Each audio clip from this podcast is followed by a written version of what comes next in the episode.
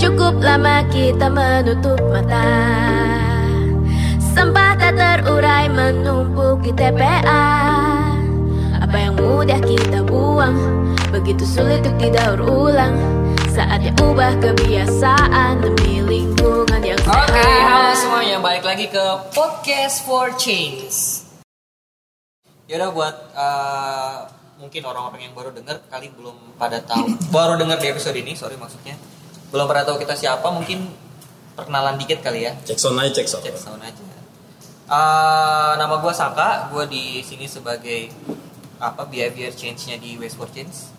Lu behavior change-nya di West for Change. Yes, behavior change engineer. Wah. Itu dong lengkap. Eh, gua Pandu eh, sebagai eh, campaigner di West for Change, Wow.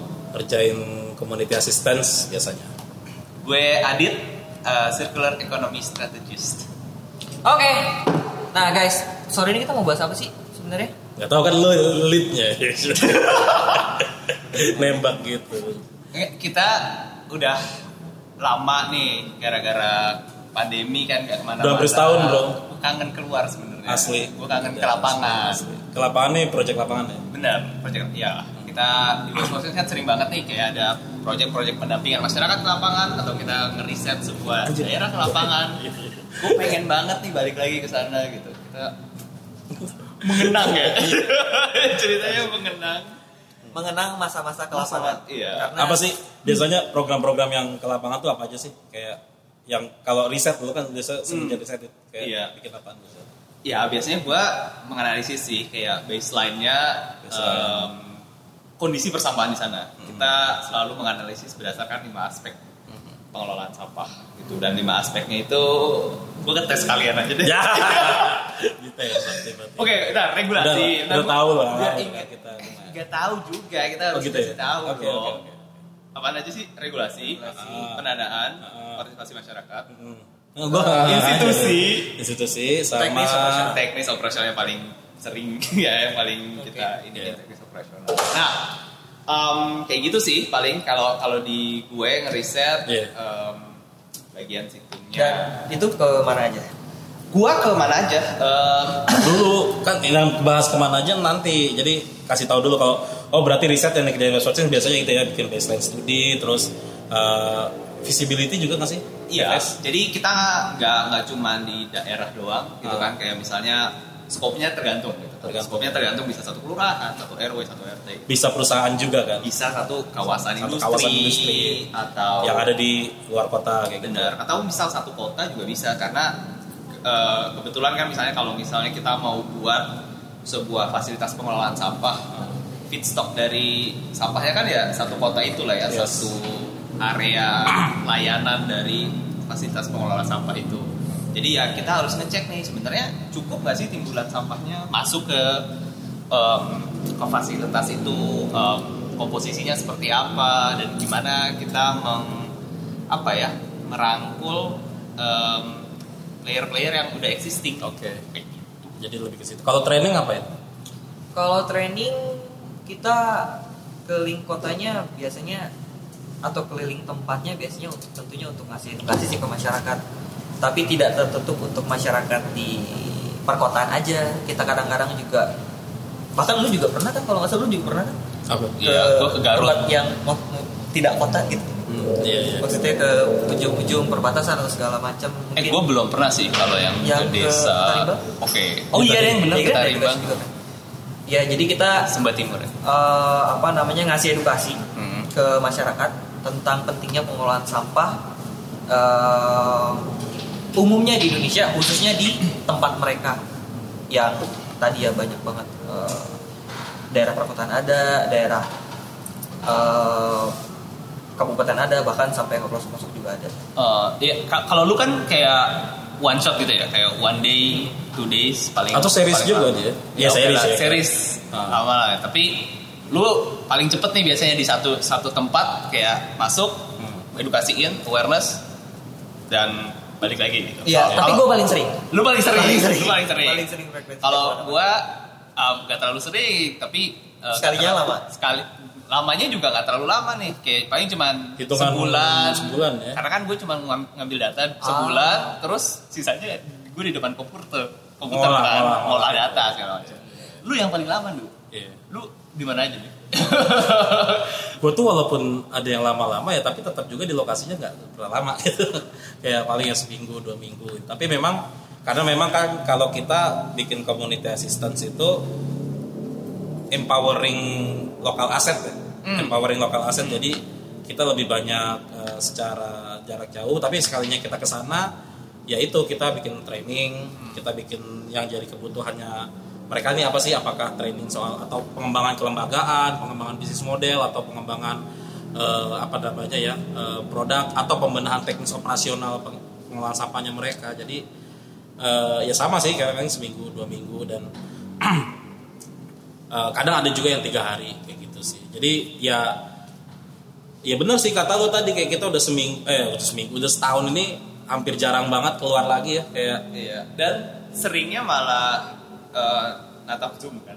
Iya zoom lagi. Zoom lagi, Gua kalau di zoom Meet dihitung-hitung lagi. udah ke mana-mana gue aja Iya. gitu udah kayak lompat-lompat gitu lah Nah, em, sebenarnya apa sih bedanya? Kayak yang lu gua ngumpulin data, lu pendampingan, lu ngajarin training gitu. Bedanya kalau face to face sama online itu kerasa banget kalau ya gue berasa banget kalau yang soal apalagi ya face to face sama online ya. Tetaplah nggak bisa gitu kita lakukan pendampingan. Karena gue nggak bicara soal soal teknologi dulu lah walaupun itu kadang jadi kendala utama ya. Tapi Apalagi biasanya Iya. stakeholder stakeholder lu nah. yang gak muda. iya nggak mudah dan sangat high tech sekali. Sangat high-tech sekali.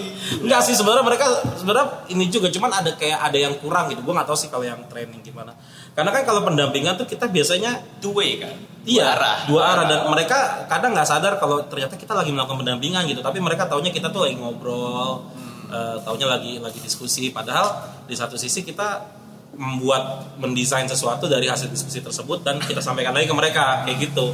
Nah sekarang obrolan-obrolan yang secara virtual itu berasa nggak nggak nyampe gitu loh, ada hal-hal yang tidak bisa disampaikan. karena ad- eh, kalau di konteks lu mungkin bukan cuma ngajarin mereka tapi ngebuat mereka juga ayo mau untuk ngerjain Iya, kan jadi kan kayak partisipasi. apa ya kalau kalau online mungkin nggak nyampe message itu Oh, oh. lu tuh lu tuh mendampingi mereka bukan supaya mereka jadi tahu tapi supaya mereka jadi Hmm. bisa mengerjakan Iya. dan mau mengerjakan Nah itu itu yang membuat mau mengerjakannya itu jadi mau nggak mau harus kalau dulu kan kita mengandalkan partisipatif ya mereka secara sukarela datang ikutan. Karena itu pun kalau secara offline pasti partisipatif pun itu susah didapetin ya susah apalagi susah. Misalkan kita datang ke sosialisasi ke 40 orang yang datang 20 aja udah syukur tuh gitu. Dan lu juga kayak oke, misalnya lu datang ke sebuah daerah dan approach lu kan nyariin agents of change ini gitu kan.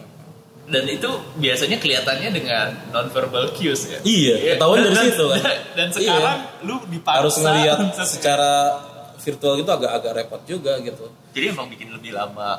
Di, implikasinya nih ya. Banyak. Ke project lu bikin lama Bikin atau sama sekali tidak bisa dilakukan atau gimana tuh? ada beberapa sih beberapa yang kayak misalkan eh, yang sifatnya emang harus pendampingan secara teknis pengembangan kapasitas itu bisa ditunda tapi kalau yang sifatnya udah jadi jalan tinggal monitoring evaluating evaluasi itu masih oke lah untuk berjalan. Karena di awal udah karena di awal udah lah ya. ketahuan jadi kita tinggal evaluasi cuman ya itu hanya melakukan apa yang udah disampaikan aja gitu ngemeng-ngemeng ya eh, setahun nih nggak ke lapangan terus gue tuh penasaran banget ya karena kan kita bertiga ini belum pernah turun bareng ya Belum. keluar kota bareng tuh belum pernah Jalan sendiri sama tim sendiri. iya gitu pasti kan. sama masing-masing Ya, lu- aja lu gitu pernah sama gua ke mana di mana? Gue lupa tapi inget kayaknya kita nggak pernah. Di mana? Yang di ini Fatmawati. Ya itu bukan di luar kota. Yang di SQ kan? kita kan Bekasi itu Jakarta. Yang di SQ ya Bahkan keluar planet. ya juga sih. Konteksnya kan keluar. Kita Iya. pernah saat waktu Jakarta Utara tapi Jakarta. Enggak, maksud gue tuh yang keluar kota yang sampai nginep bareng gitu. Iya, eh, kita pernah. Yang Cuma di a- Jakarta. sampai beli tiket nggak, sampai beli tiket jatuhnya belum pernah kan? Kita bertiga kayak lu sama tim lu sendiri, gue juga sama tim Iya, gua. gua sama tim gua sendiri. KRL tiket sih I- Iya, KRL. Emang sekarang gue tanya, emang kita naik KRL gitu, lu jangan merendahkan Ya, operasionalnya West for Chance. Apaan Mercy ya? Wes iya. Garisnya tawa-tawa aja. Udah ngomongin operasional tinggi. Ya macam-macam.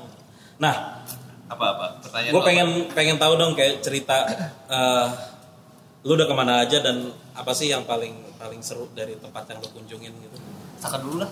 Ya sa- kayaknya lu paling banyak. Lu banyak lu karena waktu itu Karena gua lu paling banyak, Sak. gue ngasih berapa titik ya ke dia ya yang program pendampingan bank sampah untuk BTPN syariah itu kan sama lu yang ngerjain tuh tim lu 15 titik.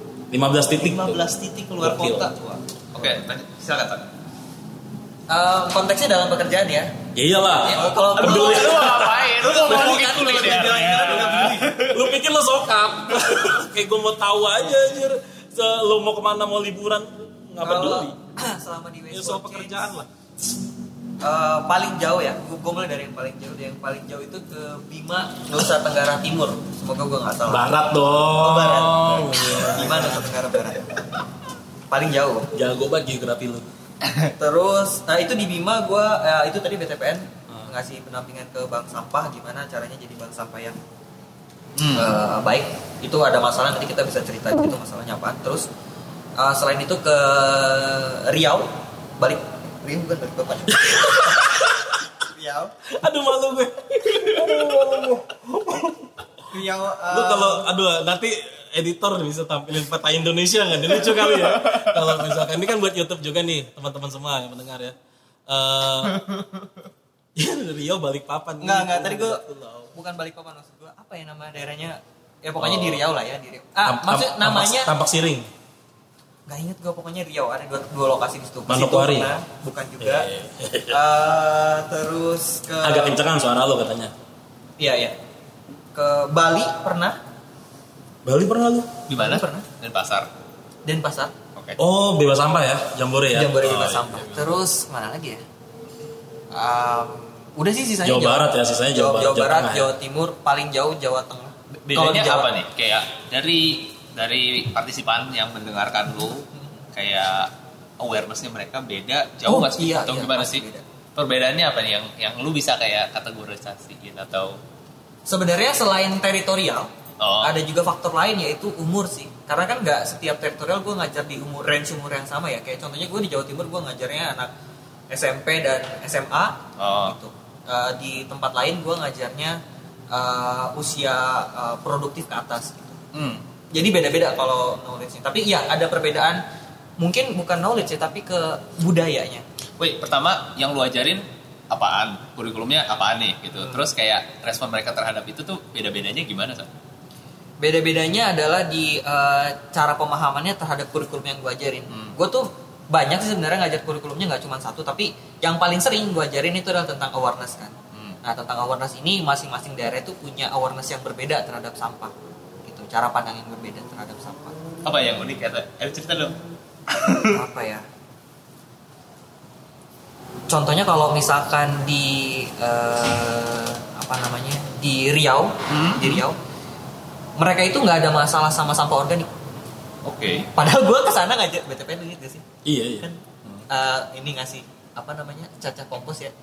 oh iya, iya. Nah, eh gue ke sana. itu oh ya udah deh nggak apa-apa lo ngomongin Ya aja. oke, enggak intinya gini. nggak apa-apa Gue mau ngajarin masalah pengolahan sampah organik di sana. Ah. Tapi sebenarnya di sana itu ini kocak sih gak ada masalah sampah organik. Iya. itu organik itu bersih banget. Ah. Justru yang masalahnya malah Nggak ini ini bisa jadi dari cerita lo ini ada benang merah dari cerita gue Iya. sama cerita Adit nanti. Ya itu gue salah satunya. Coba mungkin yang lain. Nggak, yang di yang gimana lo masa di Riau yang paling ini deh yang lo pasti ya namanya namanya kita dinas atau perjalanan keluar kota ketemu orang baru ketemu tempat baru pasti kan ninggalin kesan nih Ah, yang menurut lo kayak gue kayaknya bakal datang ke sini lagi deh gue senang banget nih entah itu sama vibe kotanya atau sama partisipan lo ngajar gitu oke. Gue sih kuliner. oh iya itu pasti sih Enggak ya? nggak mungkin enggak Kalau partisipan yang paling seru dan paling bikin kangen sih orang-orang yang ada di enggak lokasi aja lokasi Oh, kayak lokasi. gue kayaknya mau ke sini lagi nih yang menurut lo bikin lo berkesan banget gitu Bima sih. Bima ya Bima sih.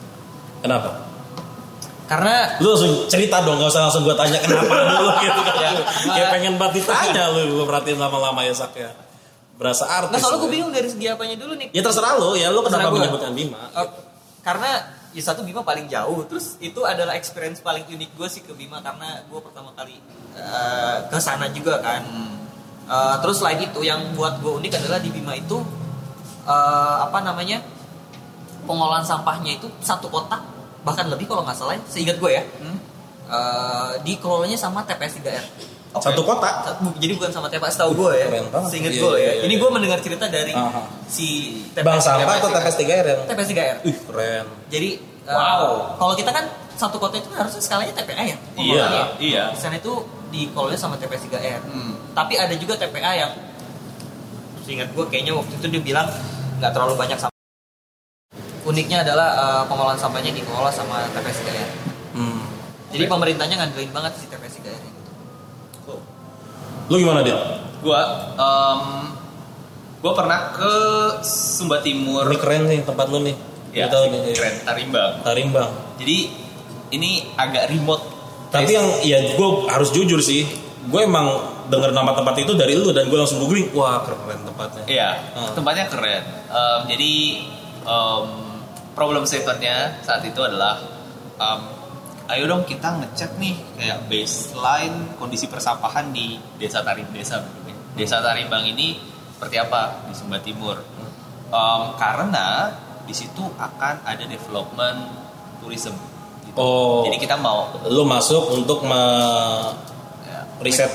Iya, ngecek baseline-nya. Oh, ngecek baseline-nya kayak dulu nih. Apa yang perlu kita infrastruktur apa yang kita perlu tambahin Sebelum si resort itu didirikan. Resort itu didirikan dan juga gue proyeksiin lah setelah resort itu didirikan, kira-kira timbulan sampahnya seperti apa. Oke. Gitu kan. Jadi gue gue datang ke sana ke desa Tarimbang. Eh, tiga minggu, tiga sampai empat minggu kita ngambil data, ngambil data primer dari apa? Itu eh, dari ini- timbulan lokal ya berarti ya? Iya. Data pribadi dari timbulan sampah lokal. mm, warga warga lokalnya sih. Satu, sorry satu daerah satu kawasan. satu desa Sekarang? satu desa Oh. itu ya desa Desa itu berarti sini RW ya? um, Lurah, oke. Tapi itu yang request Pemda Suba atau oh enggak is private sector? private private sector Oh, private sector yang yang eh, apa request Oke, jadi dikomisikannya oleh mereka Oke. so um, situ menarik banget sih karena ini desa jauh ya dan gua gua kaitin sama marine debris sama tourism juga kan karena ini sesuatu yang eh, sangat-sangat related di situ. Ini di daerah pesisir. Um, dia tuh sangat jauh dari kota utamanya Waingapu. Oke. ada sekitar 200 300 kilo lah. Dan Ah, 200 kilo? jauh jauh jauh.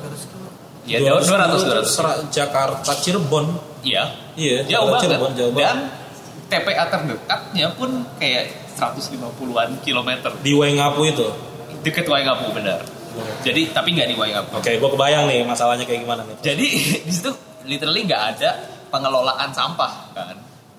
Di Tarimbang itu. di Tarimbang itu. Ini pulau apa pesisir sih? pesisir. Oke, bukan pulau berarti. bukan pulau sendiri bukan terus. Nah dan dan perjalanan ke sana aja gue naik kayak truk pickup gitu kan? Serius? serius. Dan naik turun naik turun nggak ada aspalnya. Wah Keren. keren. Apa ini banget sih seneng banget di Iya, situ Em, ini ini desa listriknya tuh banyaknya dari genset guys jadinya Gua nggak- kira malah belum ada listrik.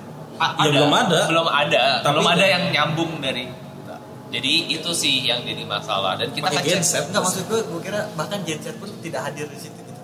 Oh, Ada, ada, betul, ada, gitu. ada, ada. Emang daerah mana gitu. Tapi mereka tuh banyak program dari pemerintah sebenarnya kayak dari dinas kesehatan, ada posyandu, eh puskesmas, Oke. eh, terus dari em, ada apa sih yang kewirausahaan kayak ekonomi lah gitu kayak masukin kayak Oh, warung-warung dan iya, segala iya, iya.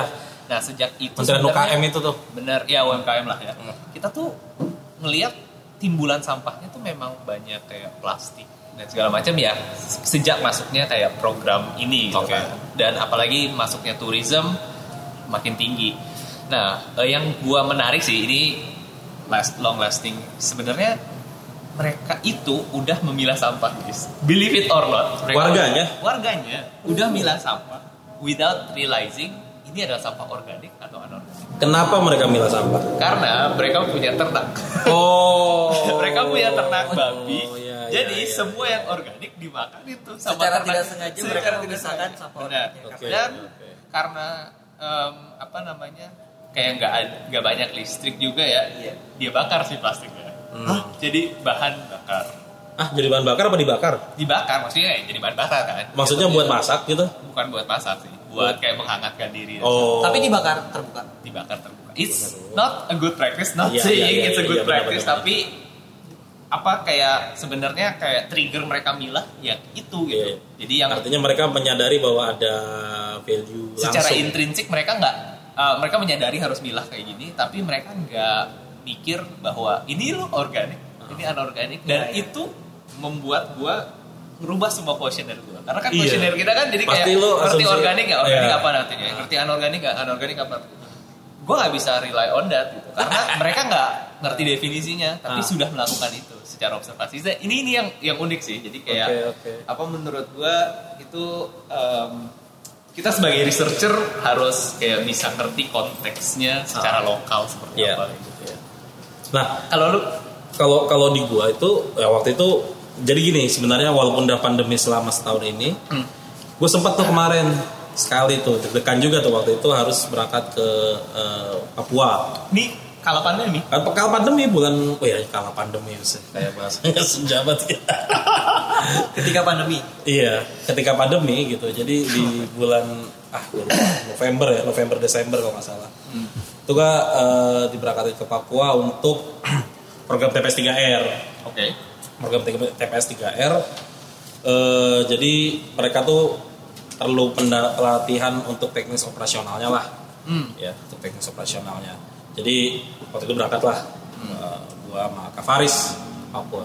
Nah, eh gue tuh excited ya karena paling jauh ini selama ini gue ke timur tuh kalau nggak NTB Maluku gitu nah ini gue kesempatan untuk mendatangi daerah paling timur eh, Indonesia jadi gue excited banget dan ini gue harus harus jujur sih karena satu-satunya persepsi gue soal Papua itu lu tahu film Denias nggak sih Iya. Denias Iya, negeri lu nonton gak Denias tahu. Lu nggak lu heran gue gue tuh pasti nonton tuh film Denias tuh dan itu waktu itu emang satu-satu persepsi gue soal Papua di situ dan ternyata kalau nyampe gue pas gue sampai sana emang udah kota banget gitu udah Oke. udah selainnya kota-kota di eh, Urban lah ya. iya urban urban banget gitu nah eh jadi sama di kayak lu gue itu udah mempersiapkan materi nih materi tentang pemilahan ya. jadi tapi mereka memang eh, tidak pernah tahu detailnya kayak gimana soal anorganik itu apa aja sih plastik apa apa jadi gue udah eh, siapkan materi tersebut sampai ke bahkan bahasa kering pun nggak tahu kan perbedaannya Iya, ah, ah. dan sampai gue bikin ke materi persiapan buat bikin kompos gitu. Wah udah plastik gini, oh, segala macam gitu. Nah sekarang permasalahan kan kita selalu berdasarkan data itu ya bahwa Indonesia itu 60 persennya sampahnya organik. Iya benar gitu. banget. Itu kan juga kejebak di situ. Iya, itu jadi andalan banget ya. Nah, jadi sebenarnya 60 persen ini harus kita selesaikan di sumber gitu. Karena kalau kita biasa di Jakarta kan, Iya, iya, ayo nih kita harus bikin biopori, kita bikin kompos segala macam. Apa begitu gue ngomong begitu, "Eh, bapak maaf gitu. ada ada mama-mama ini angkat tangan, bapak maaf gitu. Kalau di sini eh, sampah makanan itu sudah pasti habis begitu. Si kasih ke babi dibilang gitu. Oh gitu bu ya. Tapi kan pasti masih ada sisa. Tidak ada bapak, tidak ada. Gue masih kaget juga. Ya pasti masih ada sisa.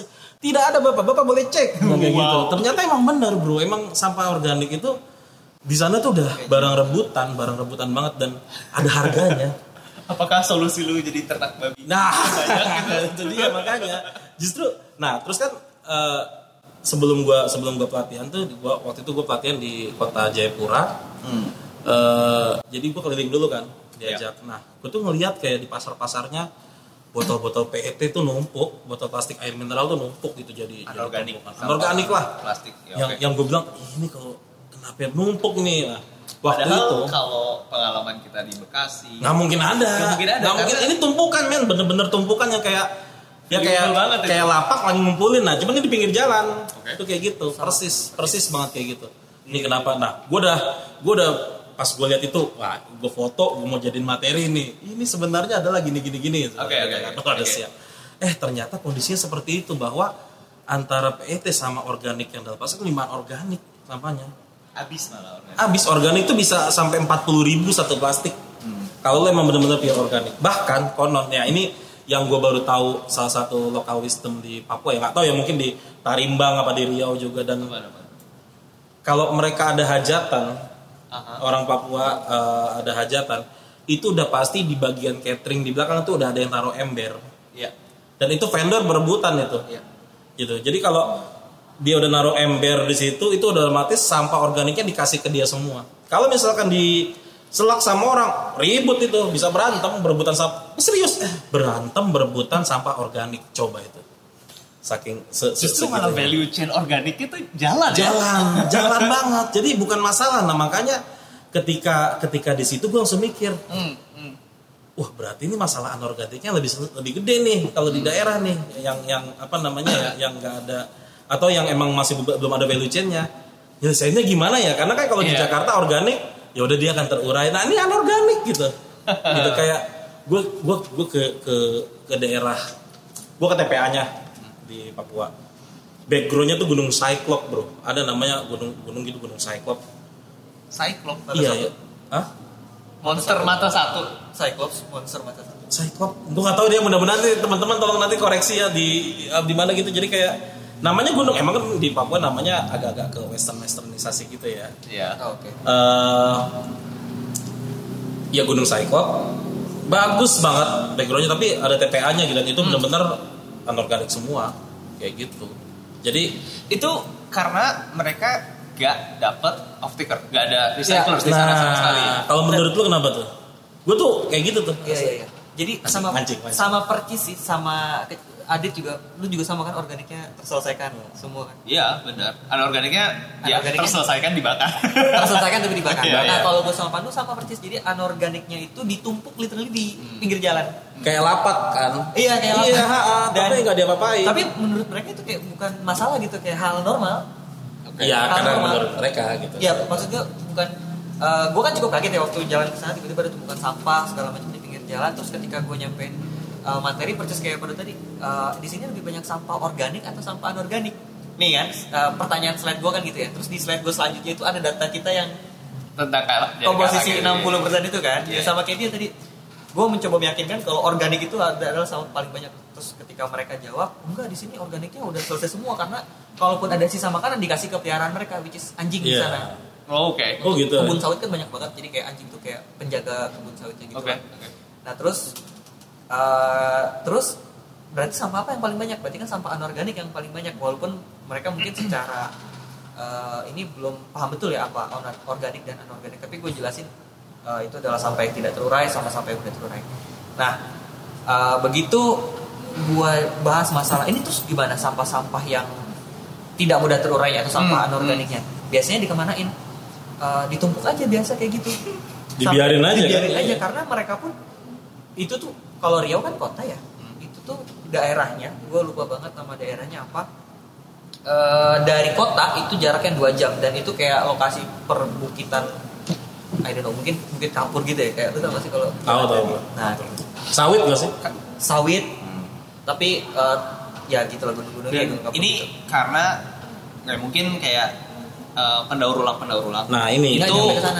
Java centric kan. Nah, itu yang ada mau di bahas. either Bekasi, gue Tangerang mau- atau Surabaya. Ah. Iya kan? Tapi satu hal lagi, menurut gua pola konsumsi sampah anorganik sana juga nggak sebanyak di Nggak sini se- sih. Oh, kalau banyak makin numpuk. Kalau banyak pasti numpuk banget. Sebenarnya oke, ini hipotesa. Nah. Kalau kalau em, konsumsinya tinggi, anorganiknya banyak, makin numpuk, apakah itu menjadi insentif untuk jadi make sense untuk ngirim ke Jakarta dan Surabaya? Ngerti kan? Maksud gue hitung-hitungannya adalah Karena ini biaya operasional. Biaya, biaya operasional Iya. nih. Ngirim dari sana ke sini jadi lebih make sense kalau banyak. Harus kalau dikit Ya nanggung. ya nanggung rugi gitu kan. Bukan berarti kita ini ya untuk Nah, bilang tapi tapi justru ini banyak. menurut gue karena ternyata permasalahannya anorganik ngumpul di daerah itu karena memang industrinya nggak ada di situ. Iya. Ada tadi lu bilang off takernya nggak ada.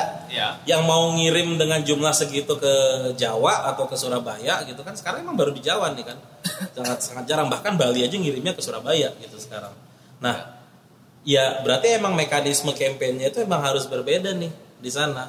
kan kalau secara hipotesa gue nggak tahu sih ya dalam tanda kutip ngawur apa enggak tadi lo bilang kan ya udah dibanyakin aja nih konsumsi plastiknya supaya bisa nyampe kuota supaya dikirim ke Jakarta gitu. Ya maksud gua ini sih apa namanya permasalahan sampah di mana pun tuh menurut gua nuansanya kompleks banget gitu. Nah, kita nah. emang harus berkontekstualisasi terhadap daerah di Betul, situ gitu dan betul. ya hasil gua di Bekasi sama hasil gua di Nggak akan bisa di- nggak akan ini solusinya juga harus beda-beda gitu kan Hmm. karena tiap masalah punya uh, solusi yang berbeda gitu Ya. local Ya, problems masalahnya. can only be solved with local solution gitu. Jadi kita nggak bisa itulah gitu. makanya pengelolaan sampah ini sebenarnya dibebankan ke Pemda Masing- Iya. daerah masing-masing. Karena nggak bisa nih kalau harus dipusatkan kayak eh, urusan apa misalkan fiskal atau urusan apa gitu. Kan beda. Suka nggak dapat yang di Iya, ya maksud gua kalau kalau urusan urusan urusan yang kan ada urusan-urusan yang dipegang oleh negara, ada yang dibeban eh, atau diserahkan kepada Pemda, nah, ke pemerintah daerah, pemerintah lokal. Nah itu memang sebenarnya emang udah paling bener nih sampah ini harus diserahkan ke pemerintah daerah karena mereka punya karakteristik spesifik masing-masing. jadi kuncinya Ada plus minus. adalah ya make sure nih Pemdanya mengerti konteks masalahnya Betul. make sure mereka juga punya kapasitas Itu untuk dia. merencanakan dan gak cuma merencanakan ya mengimplementasikan juga nih karena ya kemarin juga gua ditarimang di Waingapu pun ya di kotanya itu Jakstranasnya belum di Jasrada. tapi Jakstranasnya Oh. belum dipindahin ke Jakstrada gitu. Oh gitu, gitu. Berarti, Jakstrada. berarti Jasradanya belum ada nih. Belum ada, jadi harus diadain dulu kan itu biar. Nah, kadang kalau gue pernah ngobrol itu sama uh, beberapa DLH ya di daerah, itu mas saya tuh mau gitu, tapi kita nggak tahu harus ngapain. PTMP, Jadi apa tadi PTNP? perencanaan teknis manajemen persampahan, Ah. nyontek dulu tadi. Tapi ya itu, memang setiap daerah itu harus punya dokumen PTMP itu supaya jadi acuan nih. Eh, itu tuh nanti nga- ngatur tuh dari mulai sumber sampai di landfill tuh kayak gimana sih? Kan sekarang udah nggak boleh eh, open dumping ya, harus sanitary landfill.